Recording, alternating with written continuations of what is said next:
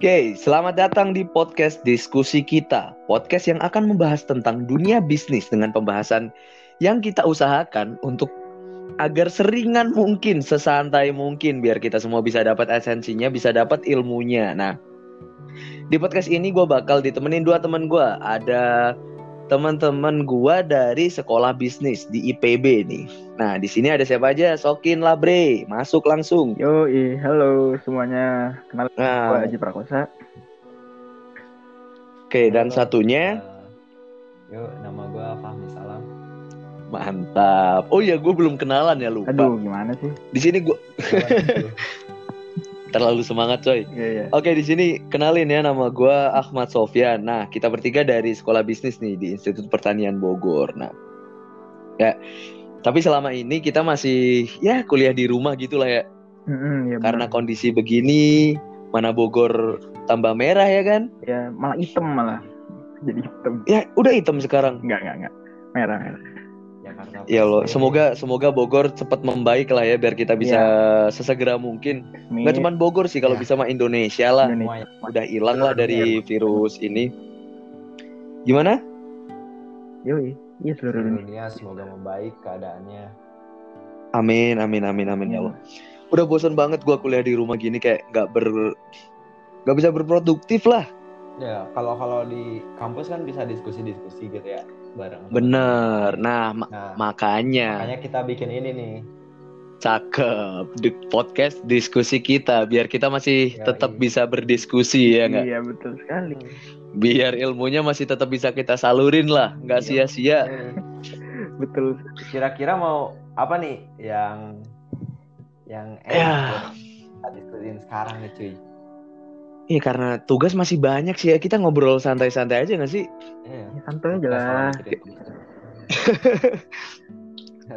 Kayak maksudnya bisnis-bisnis yang mungkin ya masih ramah lah buat kita, masih deket-deket banget sama kita. Nggak usah kita bahas bisnis yang oh, iya. batu bara yang ya liar itu mah, eh. nih, gue gue ada topik yang sangat menarik nih, Yanji. Apa tuh? Apaan Jadi, tuh? Hmm, gue sempat searching kemarin. Ada hmm. salah satu riset dari Amerika bahwa uh, 95% bisnis di Indonesia merupakan bisnis keluarga.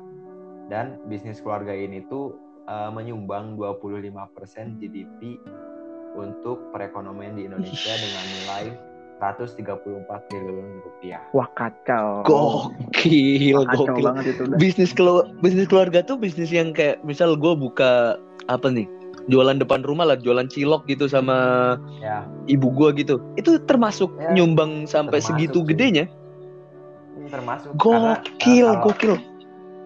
Kalau dilihat dari definisinya ya, uh -huh. menurut John Elward sama Craig Arnold, menurutnya uh, suatu bisnis atau perusahaan dinamakan bisnis keluarga itu apabila terdiri dari dua atau lebih anggota keluarga di dalam bisnis uh. tersebut. Jadi kalau kalau lu nih Aji Aji uh, bisnis sama bapaknya, nah itu termasuk mm -hmm. bisnis keluarga juga dan lu juga tadi kasusnya bisa itu termasuk bisnis keluarga cuy. Dari Cilok bisa nyumbang GDP Indonesia. Gokil sekali. Keren juga ya. Oh, itu from Cilok for ya, Indonesia ya. 95% persen, ah. cuy. Bisnis Gila keluarga. segede itu ya. Oh ya, kemarin juga ya. Kemarin juga tuh gue diajak kan sama abang gue yang ada di Tangerang sebenarnya kayak uh, Yan kalau bisa lu datang ke sini lah bantuin uh, warung dia. Jadi dia tuh punya warung di Tangerang. Hmm. Kayak warung makanan ya makanan tradisional dari Pekalongan. Oh, iya, BTW gue dari Pekalongan ya. ya. Iya, bisnis kuliner di Pekalongan. Oh iya, ini buat pendengar yang ada di Balaraja nih ya. Nah, sokin lah bisa mampir itu. Ada namanya Hafasa. Sekalian promo ya. nah, jadi gue disuruh bantuin dia di sana. Tapi kayak gue mikir, ya ngapain gue harus ke sana gitu kan? Maksudnya masih banyak orang yang bisa uh, apa namanya mengembangkan warungnya itu biar lebih baik lagi. Masih banyak orang yang jauh lebih jago gitu nggak sih? Iya nggak menurut ya. kalian? Kalau menurut gua nih ya, berarti kan mm -hmm. lu tuh percaya sama lu sebagai anggota keluarga gitu. Apalagi kan lu uh, sebagai mahasiswa bisnis nih. lu mm -hmm. kesempatan tuh untuk mengimplementasikan ilmu-ilmu yang lu dapat di kampus ini ke bisnis oh. bantuin bisnis kakak lu gitu bener juga gitu. sih ya tapi kan uh, maksudnya eh, kalau bisnis bisnis gitu kan rawan nih Mi katakanlah gue sama abang gue kalau misal gue ngelakuin kesalahan dia nggak bisa secara langsung kayak dia ngomongin ke karyawan yang lain yang non keluarganya ya nggak? Hmm, dia pasti yeah. ada rasa rasa nggak enakan lah. Ya nggak sih? Yeah. dan yeah. itu menurut gue bakal bisa menghambat uh, perkembangan si bisnisnya. Itu kalaupun gue kerjanya nggak bagus kan harusnya gue diomongin. Tapi rasa nggak enakan itu apalagi gue dari Jawa ya. Orang Jawa kan kayak rasa nggak enakannya tinggi tuh iya. Uh, nih cuy gue yeah. punya fun fact sedikit nih tentang bisnis keluarga. Apaan tuh? Jadi uh, di lima tahun pertama ini berdasarkan ini ya berdasarkan survei ya.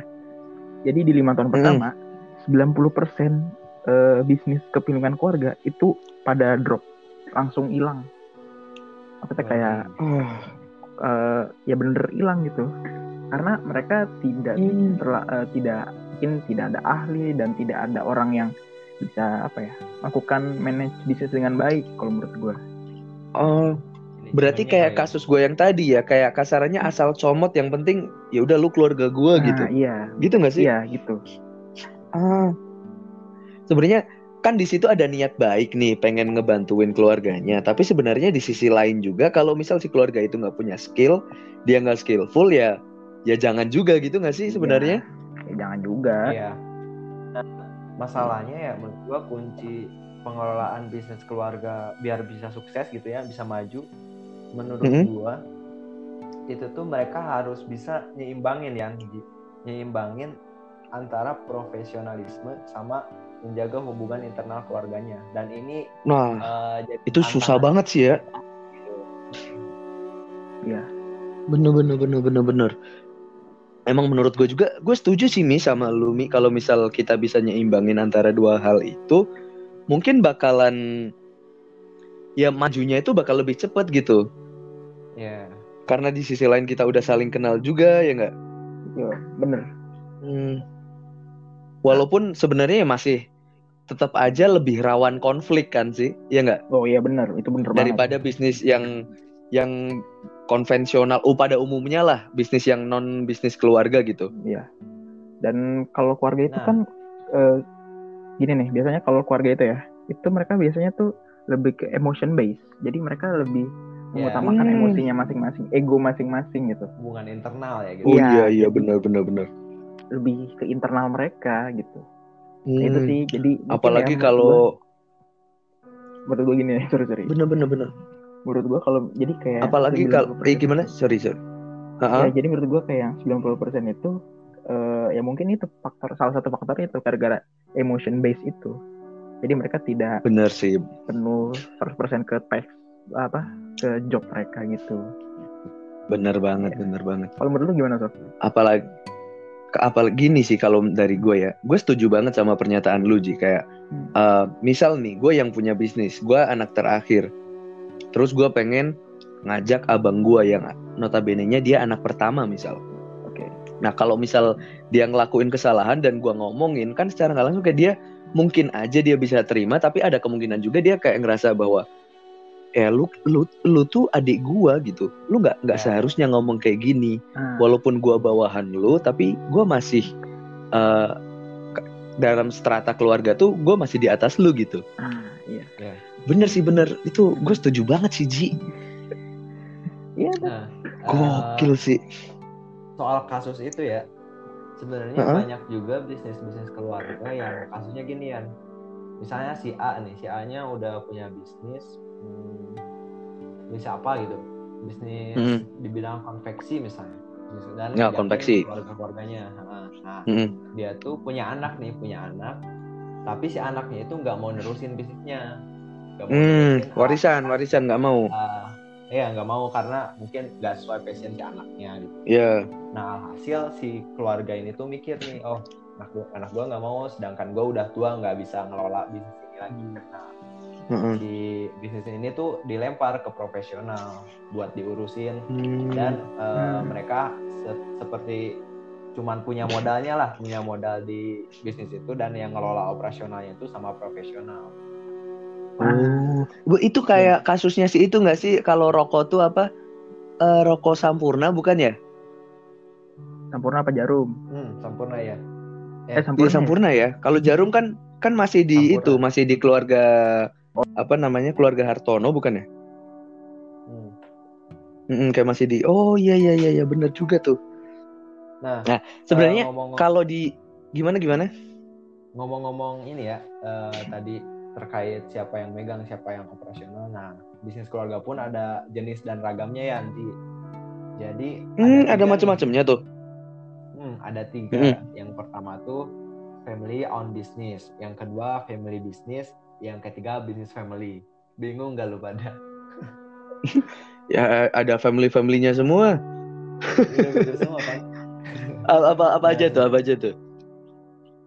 bedanya tuh ya yang pertama nih family owned business jadi bisnis keluarga ini tuh uh, bisnis keluarga tapi keluarganya itu bertindak sebagai shareholder doang buat yang ngurusin operasionalnya yang gue bilang tadi itu dikasihin dan dipercayain sama pihak eksternal dia uh, kayak nyewa profesional buat ngurus bisnisnya itu Hmm. Nah, yang kedua, family business.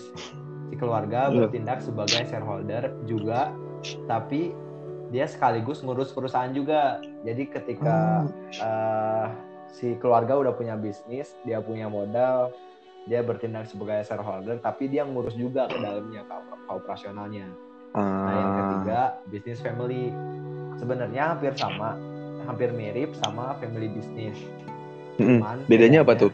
Kalau Di balik bisnis doang. family, kalau bisnis family dia ke ikatan kekerabatan, hubungan kekeluargaan. Kalau family Mm-mm. business dia lebih ke personalitas kayak gitu. Ah. Oh, keren sih, keren keren keren. Nah, ada Nah. Gimana? Eh, fam- kalau family business Ya. dia tuh ketika dapat investor jadi ada si salah seorang yang mau ikut invest di bisnis itu benar-benar nggak bisa ikut campur kalau family Hmm. business jadi si investor tuh nggak bisa lu nggak bisa ikut campur operasional bisnis gua nih gitu nah kalau bisnis family ketika lu pengen invest di situ lu bisa tuh ikut andil di kegiatan perusahaannya Ah, jadi Oke. kalau di family business tuh katakanlah gua nyumbang banyak pun ya tetap lu nggak bisa ikut-ikutan gitu ya. Ya. Kasarannya udah lu kasih duit, lu duduk, lu terima jadi gitu aja gitu ya. ya benar Hmm, kayak angel investor gitu lah wah, investor bidadari ya. ya bre bre gini bre Gimana Ji? Eh, jadi ini gue lagi sempat searching juga nih sekalian. Jadi ini kan Mm-mm. eh, sekarang kan zamannya 4.0 ya, digital Ah. dong, digital. Nah, menurut eh, di sini gue baca adalah eh, jadi digital marketing itu salah satunya salah satu yang membuat bisnis keluarga itu makin berkembang dan semakin apa ya? Mungkin bisa bertahan hidup lebih lama. Karena kan zaman sekarang ya, Hmm. di era VUCA Mm-mm. ya, Iya itu benar. pengaruh Udah banget cepet sih. banget itu ya. Jadi emang kayak wajib gak sih digital di era sekarang buat Kayaknya itu udah udah harus banget sih ya, nggak nggak cuma di bisnis Iya. keluarga sebenarnya ya. Dari bisnis apa pun, karena ya emang kita sehari-hari tuh udah hal kayak gitu kan. Hmm. Mau nggak mau ya emang harus menguasai itu. Kalau nggak bisa ya kita bakal ketinggalan. Gue pernah ada kutipan bagus nih. Gue pernah dengar kutipan tuh bagus kayak misal eh, jangan pernah merasa sampai. Kalaupun eh, apa? Jangan pernah sa- merasa sampai dengan pencapaian lu. Kalau lu udah merasa sampai, lu bakal berhenti. Nah, di saat lu berhenti, dunia bakal ninggalin lu. oh, Artinya kalau kita udah merasa mungkin di bisnis kita nih, kita udah ngerasa bahwa, woi kita udah powerful banget lah, kita udah keren banget, udah nggak ada yang bisa ngejatuhin gua lagi, kita udah merasa puas dan kita nggak mau belajar lagi. Dunia yang bakal ngegerus kita, mungkin kayak kasusnya si Nokia gitu kan ya, Iya, dan beberapa perusahaan-perusahaan gede yang dulunya, nah dulunya powerful, sekarang pada inovasi giles. Nah, itu inovasi sama ya itu Ada ya. kita harus mau belajar terus. perubah dengan perubahan-perubahan yang ada Perubahan, gitu. ya. Transformation comes Dan from the owner. sama Oke. sama filosofi lu tadi gitu, Yan. Jadi gimana tuh? Gue nyambunginnya gini. Gue kebetulan suka naik gunung ya. Mm. Nah, eh, ketika ketika gue naik gunung, gunung gede misalnya, ketinggian sekian, Gede banget gue merasa puas nih. Heeh. Enggak, doang. Ketika gue sampai ke puncaknya, gue ngerasa puas. Heeh. Gue udah di titik ini nih, gue udah ngelewatin. Udah ini, sampai nih gitu ya. lah. Nah, ketika turun ke rumah, ada kemauan lagi. Oh, gue nggak bisa cuma sampai di sini nih pencapaian gue. Gue Hmm. naik lagi ke gunung yang lain, yang lebih, Yang lebih tinggi gitu. Oh. Kayak gue, kayak gue nantang diri gue lagi gitu. Nah, Mm-mm. gue nyambungin ke bisnis seperti itu jadi ketika lu udah mencapai titik tertentu misalnya bisnis lu udah bagus nih lu nggak Mhm. bisa nggak bisa dan stay dengan kondisi nyaman itu lu mesti cari inovasi lagi buat ningkatin bisnis lu lagi gitu melalui digital itu digital dan inovasi Hmm, ya benar. Bener bener bener bener Ya bener. 4.0 Emang ya. kita intinya mah harus harus berkembang selalu. Apa pun yang terjadi gitu. Ya betul. Dan sekarang kan juga beberapa negara udah pengen berubah ke 5 5.0 malah.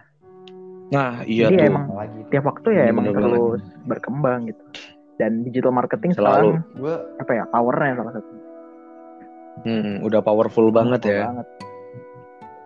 Perasaan kemarin kita semester 3 masih bahas 4.0 ya cuy Iya. Iya. sekarang semester 5 Udah. 5.0. nggak ada setahun ya nggak ada setahun udah ada 5.0 jangan-jangan nih eh, mungkin nanti cuman ada satu bulan deh waktu untuk berkembang lagi kayak misal dari 5.0 ke 6.0 ke 7.0 Bisa itu juga. kayaknya Ada bakalan kemungkinan. lebih cepet lagi sih di suatu saat mungkin bisa terjadi. Bisa aja itu men. Hmm. Ada kemungkinan seperti itu sih. Jadi walaupun kasarannya nih bisnis keluarga entah itu ruang lingkupnya gede kayak jarum ataupun ruang lingkup bisnis yang masih kecil kayak contoh gue yang tadi jualan cilok itu pun harus tetap itu ya harus tetap melakukan inovasi ya. Iyalah betul. pastinya. Karena di sini nih di tempat gua ada itu bisa dibilang kayak bisnis keluarga ya.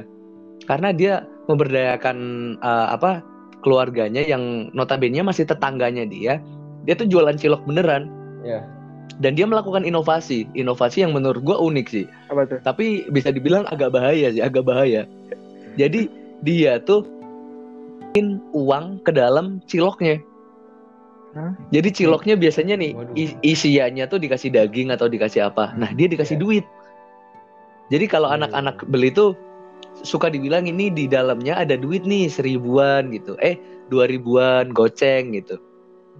Jadi dia lipat dimasukin plastik terus dimasukin dalam ciloknya. Nah itu akhirnya sekarang rame banget yang beli. Bocah-bocah itu. Apalagi kalau Iya, ada iya. satu dua orang yang udah dapet kan wah Iya, langsung beritanya langsung nyebar tuh. Langsung nyebar terus yang lain pada weh mau dong mau dong. Itu menurut gua salah satu inovasi yang keren sih di eh, inovasi yang diterapkan di bisnis keluarga yang ruang lingkupnya masih kecil ya Iya. dan itu keren banget sih menurut gua Dan itu penyebarannya nggak pakai digital marketing ya? Masih konvensional biasa. nggak kan? make digital marketing padahal iya itu mouth to mouth mulut ke mulut ya eh tapi kan anak-anak sekarang kan udah pakai pakai itu juga ji Apa?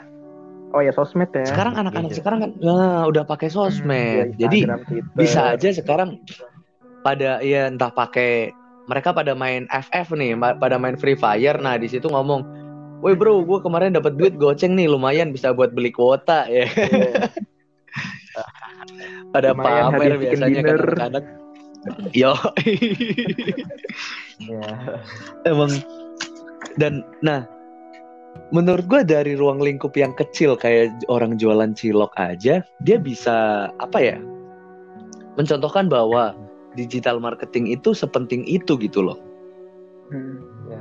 untuk bis, uh, family business gimana kalau yang ruang lingkupnya lebih besar lagi yang Iya. mungkin udah cakupannya kota, provinsi, negara atau bahkan dunia itu kayaknya Iya. wah parah sih Benar-benar. penting banget Nah, eh, Yanci ternyata ya Kenapa? bisnis keluarga Apa? juga ada karakteristik itu. Oh iya? Gak tahu tuh. Apa aja tuh? Ah, ah. Yang pertama nih, karakteristik dari bisnis keluarga. Jadi eh, efektivitas sama efisiensi itu dari bisnis itu tuh bergantung pada pemahaman keluarga itu sendiri. Pastinya dong. Hmm, ya. eh, ketika dia punya skill, punya inovasi yang bagus, maka bisnis itu bakal bagus juga. Nah, yang kedua terdiri dari satu atau lebih anggota keluarga dalam satu bisnis. Terus setiap anggota keluarga merupakan part of bisnis dalam perusahaan atau bisnis itu sendiri. Nah, poin keempat nih yang paling penting. Jadi eh, tiap-tiap bisnis yang keluarga yang ada itu eh, yang tergantung pada nilai yang dianut pada setiap keluarga. Hmm. Jadi hmm, ketika lu punya budaya kel- keluarga gua nih Sunda dan Hmm, keluarga hmm, lu hmm, Jawa misalnya. Nah itu kan beda nilai-nilai yang dianutnya. Iya, iya, iya. Nentuin gimana bisnis keluarga yang dijalanin kayak gitu. Oh iya iya iya. Berarti nggak bisa sama juga ya? Nggak bisa nyamain gitulah. Mm-mm.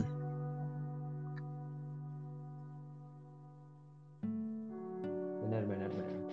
Hmm, Berarti kayak misal uh, gua nih, gua belajar bisnis keluarga. Katakanlah gua uh, berkeluarga dengan orang non Jawa, berkeluarga dengan orang mana ya? Misal Minang nih, Minang. Itu kan budayanya beda tuh. Nah, itu berarti perlu akulturasi budaya nggak? Kayak dari guanya sendiri harus gimana, dari dianya harus gimana. Sebenarnya bisa dibilang akulturasi sih. Mm-mm. Jadi misalnya uh, si owner si foundernya nih bisnis A misalnya founder Mm-mm. itu punya nilainya sendiri dalam keluarganya. Nah ketika lu join misalnya join ke bisnis itu maka lu harus sesuaiin dong. Nggak Oh iya lu, benar benar benar. benar. eh, yang lu ngelawan gitu ngelawan nilai yang udah ada di bisnis itu gitu. Hmm, nggak bisa sok keras gitu ya. Ya, tidak bisa kalau di saya itu harus seperti ini gitu. Satu deh. Bisa bisa ditonjok ya. Jadi ya intinya Bener, bener, bener. keluarga ini ya punya culture, Ma- masing- sistem, value Nilai. sendiri. gitu. Mm-mm. Jadi eh, bisnis keluarga tuh kayak apa ya? Di mana bumi dipijak, di situ langit dijunjung gitu. Eh sesuai nggak sih itu? Ih, Pas ya. Oh Filosofis iya pas bener. eh, Bener, bener. banget sih, Berarti- Bapak. Eh, ih gokil.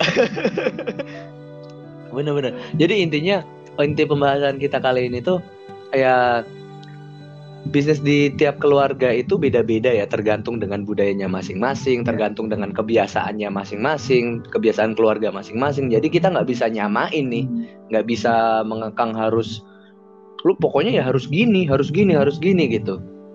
Karena Hmm. ada nilai-nilai yang nggak bisa dilanggar dalam suatu eh, ruang lingkup itu gitu.